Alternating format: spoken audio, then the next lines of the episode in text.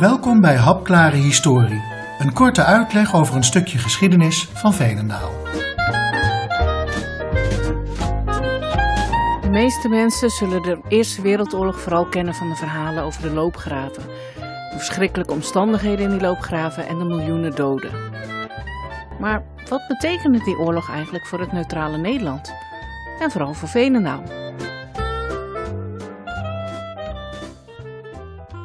In de eerste jaren van de 20e eeuw loopt de spanning tussen met name Duitsland en Frankrijk steeds hoger op.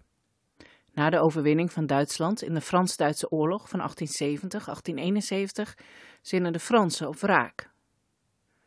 Oostenrijk heeft een uitgebreid rijk op de Balkan, maar Servië wil onafhankelijk zijn. Die spanningen komen tot een uitbarsting in de zomer van 1914. Op 28 juni 1914 brengt de Oostenrijkse troonopvolger met zijn vrouw een bezoek aan het Bosnische Sarajevo.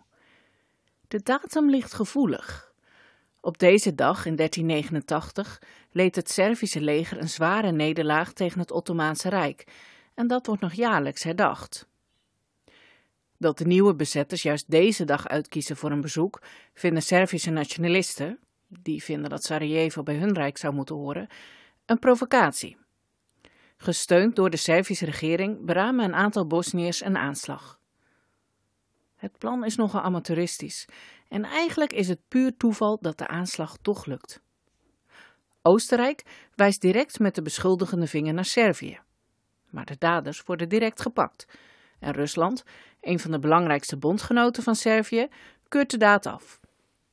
Het lijkt goed af te lopen. Er zijn echter Oostenrijkse politici die er anders over denken. Zij hopen door een korte buitenlandse oorlog de interne verdeeldheid te bezweren. Onder invloed van deze politici stelt Oostenrijk op 23 juli een ultimatum met tien zware eisen aan Servië. De Servische regering accepteert alle eisen op één na. Het gaat de Serviërs te ver om Oostenrijkse officieren voor het onderzoek naar de moord onbeperkt toegang te geven tot hun grondgebied. Oostenrijk verklaart vervolgens de oorlog aan Servië. En dan treedt een systeem van eerder gesmede bondgenootschappen in werking, waardoor dit conflict binnen een paar dagen uitgroeit tot een wereldoorlog. Rusland steunt Servië en Duitsland steunt Oostenrijk. Terwijl in heel Europa legers gemobiliseerd worden, denkt Duitsland met een snelle aanval Frankrijk te kunnen verslaan, om daarna Rusland op de knieën te dwingen. Voor deze aanval op Frankrijk leidt de kortste weg door Nederland en België. Nederland heeft echter goede handelsverhoudingen met Duitsland en daarom besluiten de Duitsers om Nederland heen te trekken. Op 2 augustus trekken ze België binnen met het doel het land binnen twee dagen te verslaan en dan door te stoten naar Frankrijk. Het loopt anders. De aanval leidt tot een oorlogsverklaring van Engeland aan Duitsland en de Belgen bieden veel feller tegenstand dan verwacht. In Nederland wordt er ook gemobiliseerd. Alle lichtingen van dienstplichtige militairen worden opgeroepen en dat betekent een flinke ontregeling van de samenleving. Fabrieken hebben acuut een tekort aan personeel en veel gezinnen moeten het lange tijd zonder kostwinner doen. Iedereen hoopt en bidt dat Nederland neutraal zou kunnen blijven. Vanzelfsprekend is dat niet. Door het systeem van bondgenootschappen en de vele koloniën van de Europese landen zijn er wereldwijd uiteindelijk maar tien landen die buiten het conflict weten te blijven. België heeft het zwaar te verduren. Door de felle tegenstand en de stevige propaganda over saboteurs treden de Duitsers steeds harder op tegen de Belgen. De stad Leuven wordt in brand gestoken en 200 burgers komen om. De bevolking slaat massaal op de vlucht. Sommigen maken de oversteek naar Engeland, maar de meesten kiezen de makkelijkste weg naar Nederland. En terwijl de Duitsers Antwerpen belegeren, steken duizenden mensen de Schelde over naar Nederland. In eerste instantie komt de hulpverlening aan de vluchtelingen vooral uit particulier initiatief. In Amsterdam wordt een hulpcomité opgericht die voedsel en kleding inzamelt. Pas als eind september de situatie onhoudbaar wordt, komt de overheid in actie. De regering maakt plannen om de vluchtelingen op te vangen in kampen. Maar zolang deze nog niet gebouwd zijn, doet de overheid een beroep op gemeenten om vluchtelingen op te nemen. Veenendaal geeft aan ruimte te hebben voor 300 mensen, Renen voor 100. Ondertussen wordt de situatie in Antwerpen nijpend. Het Belgische leger legt een speciale pontonbrug over de Schelde om zoveel mogelijk mensen nog de stad uit te krijgen, terwijl de Duitsers naderen. En de grensregio wordt opnieuw overspoeld. Begin oktober 1914 zijn er naar schatting 1 miljoen Belgen in Nederland. De Nederlandse bevolking telt dan zo'n 6 miljoen mensen. Op zaterdag 10 oktober, de dag dat Antwerpen valt, staan de Venendalers op het station klaar om de vluchtelingen op te vangen. Om half negen stopt de trein en een onafzienbare stroom mensen stapt uit. Als iedereen geteld is, blijken er geen 300, maar 1200 mensen aangekomen te zijn. Op een totale bevolking van 6000 mensen vindt de burgemeester dat toch wel wat veel. Dus 500 mensen worden direct weer doorgestuurd naar Amersfoort. Voor de overige 700 Belgen wordt snel onderdak gezocht in de tekenschool en de leegstaande pastorie aan de, van de gereformeerde kerk, beide aan de Kerkenwijk, het lokaal voor christelijke belangen aan het Verlaat, de oude fabriek van de ritmeester aan de markt en op diverse particuliere adressen. In een leegstaande pastorie van de hervormde kerk op de markt wordt een noodziekenhuis ingericht. Iedereen wordt geregistreerd.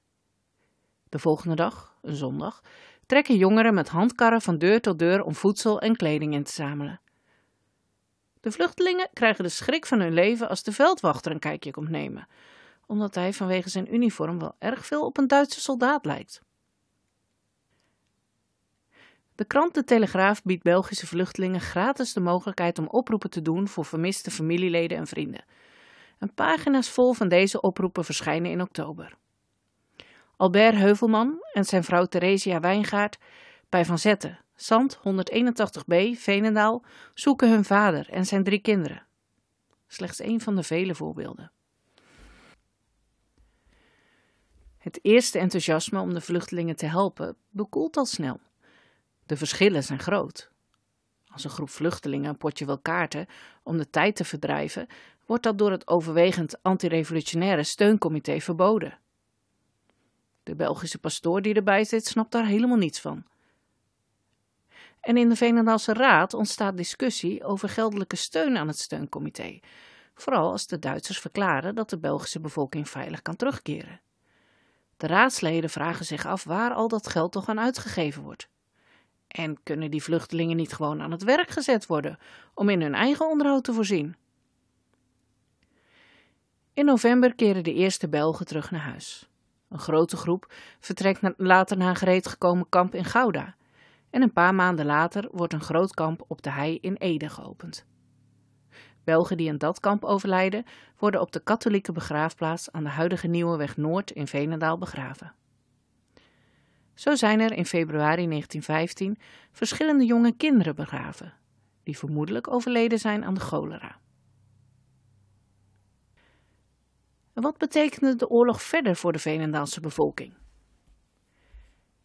In november 1914 wordt het Noordzeegebied tot oorlogsgebied tussen Duitsland en Engeland verklaard. Dat heeft grote gevolgen voor de aanvoer van voedsel en goederen naar Nederland. De overheid voert de distributie in. De regering begint met het vorderen van auto's, paarden en trekhonden. In Veenendaal wordt er maar één auto gevorderd, van de fabrikant van Woudenberg. Maar die heeft hem net verkocht, zegt hij. Ook trekhonden zijn opvallend vaak al weggedaan als de oproep komt. Naarmate de oorlog vordert, nemen de tekorten toe. Steeds meer voedsel en goederen gaan op de bon. De plaatselijke wol- en sigarenfabrieken liggen regelmatig stil wegens gebrek aan grondstof of brandstof. Maar daar komen ook wel weer creatieve oplossingen uit voort. Zo presenteert de VSW in 1917 op de jaarbeurs in Utrecht een nieuw soort textiel, gemaakt van papier. In 1917 duikt er in Amerika een nieuwe variant op van de griep, die vooral slachtoffers maakt in de leeftijdscategorie van 20 tot 40 jaar. Amerikaanse soldaten nemen het mee naar Europa. En daar grijpt de ziekte snel om zich heen. In augustus 1918 is de helft van de Amerikaanse soldaten die in Europa zijn al ziek en een Spaanse krant schrijft over die vele ziektegevallen. En vanwege dat bericht krijgt de ziekte de naam de Spaanse griep. De eerste gevallen in Nederland worden gemeld in de zomer van 1918. Een totaal aantal slachtoffers van deze ziekte is nooit vastgesteld. De meest voorzichtige schattingen gaan uit van 20 tot 40 miljoen mensen wereldwijd. Anderen hebben het over wel 100 miljoen mensen. In Nederland sterven zo'n 20.000 mensen als direct gevolg van de griep. En daarbij komen nog zo'n 38.000 mensen die een andere ziekte oplopen na de griep te hebben gehad. Ook in Veenendaal vallen slachtoffers, maar ook hier is het totale aantal niet bekend. Een heel triest geval is het gezin van Kessel aan de Nieuwe Weg, waar in november drie kinderen binnen een paar dagen overlijden. Op 11 november 1918 gaat de wapenstilstand in en in 1919 wordt de vrede getekend. Maar de gevolgen van de oorlog zullen nog jaren voelbaar blijven. Ook Veenendaal ging weer verder. En na de ervaringen in de Tweede Wereldoorlog werd dit stukje geschiedenis zo goed als vergeten. Tot er in 2012 in het blad Oud Veenendaal een artikel verscheen van de hand van Margreet Helder over de Belgische vluchtelingen. Daardoor kon er twee jaar later, toen het uitbreken van de Eerste Wereldoorlog herdacht werd, een herdenking georganiseerd werden in de Oude Kerk op de Markt. Twee nabestaanden van in Veenendaal geboren Belgische baby's waren hierbij aanwezig en onthulden een plaquette op het pand Markt 10, het voormalige noodziekenhuis. Op de katholieke begraafplaats werd ook een herdenkingsbord onthuld, met de namen van alle Belgen die daar begraven liggen.